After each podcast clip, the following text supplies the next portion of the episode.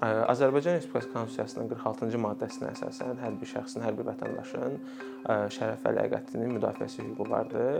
Ümumiyyətlə şərəf və ləyaqət anlayışı subyektiv olduğu üçün şərh eləmək bir qədər çətindir. Buna baxmayaraq Azərbaycan Respublikası Cinayət Məcəlləsinin kommentariyası belə şərh edir ki, şərəf mənəvi dünyasına, əxlaqi dəyərlərinə görə ictimaiyyət tərəfindən şəxsə verilən qiymətdir. Ləyaqət isə şəxsin özünə verdiyi qiymətdir eyni əsaslarla. Bu çalışacağam ki, həm cinayət hüquqi, həm də ki, mülki hüquqi perspektivləri izah etməyə çalışım.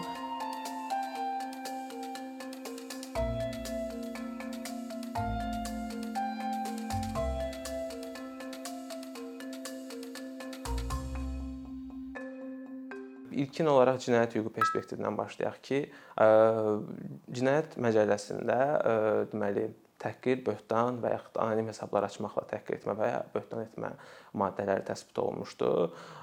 Bu maddələr müvafiq olaraq Cinayət Məcəlləsinin 147, 148 və 148-1-ci maddələridir.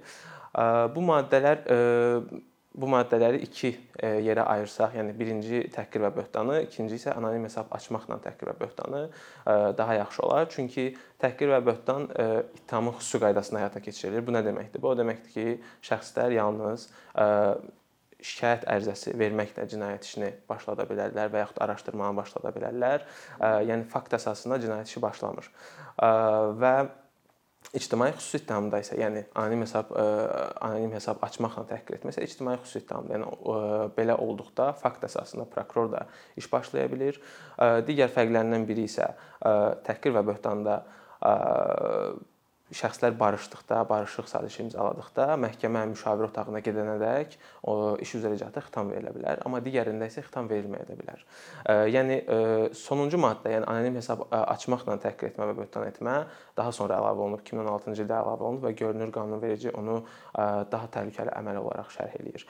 Bu əməllər ümumiyyətlə böhtan dedikdə nə nəzərdə tutulur? Böhtan hər hansısa bir şəxs barəsində həqiqət olduğunu, yəni yalan olduğunu bilə-bilə onun şərəf və ləyaqətini alçaldan, ləkələyən məlumatların yayılması nəzərdə tutulur. Təhqir isə eyni məzmunda sadəcə şərəf və ləyaqətin alçaldılmasını əhatə edən məlumatlardır. Burada üç əsas meyar var. Birincisi yayılan məlumat şərəf və ləyaqəti ləkələməlidir. İkincisi məlumat yayılmalıdır. Bunlar nə deməkdir? Məlumatın yayılması dedikdə Ali Məhkəmənin plenum qərarı bunu belə izah edir ki, 2 nəfərdən çox şəxsin görə biləcəyi, qavraya biləcəyi hər hansısa bir vasitə ilə məlumatın paylaşılması məlumatın yayılması hesab olunur. Ləkələmə ilə bağlı isə məhkəmələrdə praktika belədir ki, adətən məhkəmə lingvistik ekspertiza təyin edir və bu ekspertiza nəticəsində də müəyyən olunur ki, həmin ifadə şəxsin ləyaqətini və yaxud da ki, şərəfini alçaldıcı bir ifadədir, yoxsa yox. Digər məsələ isə böhtan cinayətinə münasibətdə bu məlumat həqiqətə uyğun olmamalıdır, yəni yalan olmalıdır. Bu üç meyar əsasında məhkəmə müəyyənləşdirir ki, bu cinayətdir, yoxsa cinayət deyil. Ümumiyyətlə onu bilmək lazımdır ki, cinayət hüquqi yolla gedəndə şəxslər sadəcə cinayət hüquqi yolu seçirlərsə, təqsirləndirilən şəxsin belə deyim, sadəcə cəza almasına ola bilirlər. Yəni bu maddələrin sanksiyası nə nəzərdə tutur? Cərimə cəzası və ya azadlıqdan məhrum etmə, islah işləri və s. Yəni 1500 manatadək və yaxud da ki, böhtan cinayətinin ağırlaşdırıcı halı varsa 2000 manatadək cərimə və yaxud da ki 6 ayadək, 1 ilədək azadlıqdan məhrum etmə Bu ümumiyyətlə praktikada daha çox cərimə cəzası seçilir, amma onu bilmək lazımdır ki, cinayət hüquqi cəza olaraq cərimə seçilirsə belə, bu yenə də məhkumluq yaradır və şəxsin gələcəkdəki fəaliyyətinə təsir eləyir. Müəyyən məhdudiyyətlər yaradır onun üçün. Digər anonim hesab açmaqla böhtan və ya təhqirdə isə yenə prokuror təşəbbüsü ilə də başlaya bilər, şikayət əsasında da başlanıla bilər. O onun da sanksiyası yenə 1 ilədək azadlıqdan məhrum etmə və yaxud da ki, eyni zamanda cərimə cəzalarıdır. Sadəcə burada aydınlaşdırılmalıdır ki, ümumiyyətlə Azərbaycanda belədir ki, təcrübə hər kəs, yəni çoxluq daha doğrusu birbaşa polisə müraciət edir ki, məni təhqir ediblər, mənə böhtan atıblar mənim şərəf və ləqətimi alçaldıblar. Amma burada aidiyyəti müəyyənləşdirmək lazımdır. Təhqir və böhtan üzrə, yəni 147 və 148 üzrə aidiyyət məhkəmədir. Yəni şəxslər polisə də müraciət eləsə, polis aidiyyəti üzrə o işi məhkəməyə göndərməlidir və göndərir. Digər anonim hesablar açmaqla təhqir və böhtan etmədə isə aidiyyət Azərbaycan Respublikasının prokurorluğudur. Yəni adətən polisə müraciət edirlər, amma polis aidiyyəti qurum deyil və polis ə, ola bilər ki, sadəcə izahat alır və iş üzrə materialı aidiyyəti üzrə göndərir. Ə, bu ə, məsələnin mülki hüquqi konteksti isə, yəni eyni zamanda şəxslər cinayət hüquqi e, müraciətdən əlavə də e, mülki hüquq olaraq bərabər hüquqi tərəflər olaraq məhkəməyə müraciət edə bilər ki, mən təhqir olmuşam və yaxud da mənim haqqımda müəyyən e, böhtan əməlləri olub ki, mən buna mən buna münasibətdə zərər görmüşəm. Bu da mülki məcəllənin 23-cü maddəsinə əsasən istinadən həyata keçirilir və ya kütləvi informasiya vasitələri haqqında qanuna əsasən həyata keçirilir.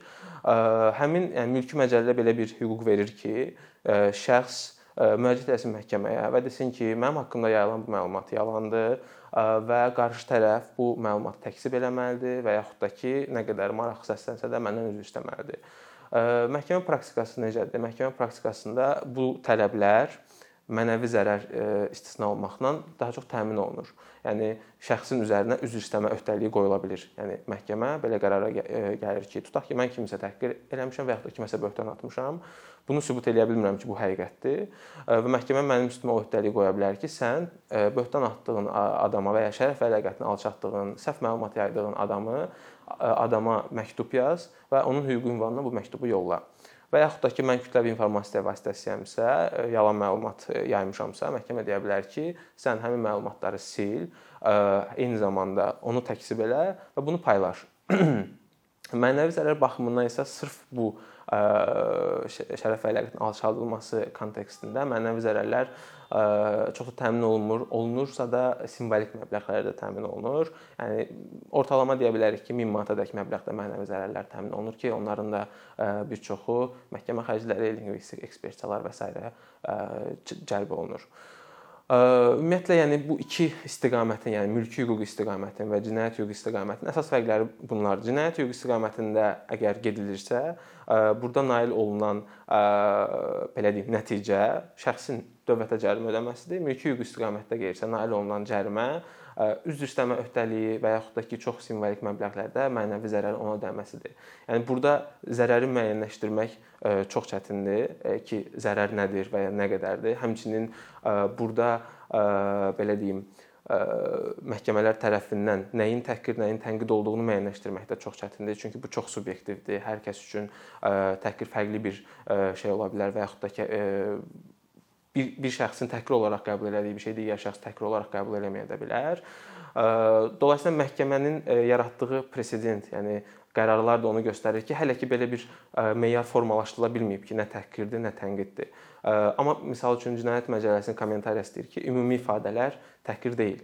Yəni misal üçün filan kəs xəsis adamdır, mənfəətpərəst adamdır. Bu ifadələr təhqir cinayətinin tərkibinə yaratmır və yaxud da ki, böhtan cinayətinə münasibətdə də kommentariya deyir ki, əgər mən hər hansısa bir ifadə demişəm, qarşı tərəf deyir ki, bu böhtandır. Mən gedirəm məhkəmədə sübut edirəm ki, mənim dediyim ifadə həqiqətə uyğundur. Yəni ola bilər ki, şəxsiyyətin həqiqətini alçaldıb, amma həqiqətə uyğun ifadədir. Bu zaman da cinayət məsuliyyəti istisna istisna olunur və istisna olunmalıdır. Burada sübut etmə yükü bu böhtanı edən və şəxsin üzərindədir, yəni məlumatı yayan şəxsin üzərindədir ki, o sübut eləməlidir. Ümumiyyətlə son zamanlar, yəni son 10 10 illik belə deyim dövrdə bəzi Qərbi Avropa ölkələrində bu difamasiya dediyimiz, yəni təhqir, böhtan və bu kimi cinayət əməllərinin dekriminallaşdırılması tendensiyasına rast gəlinir.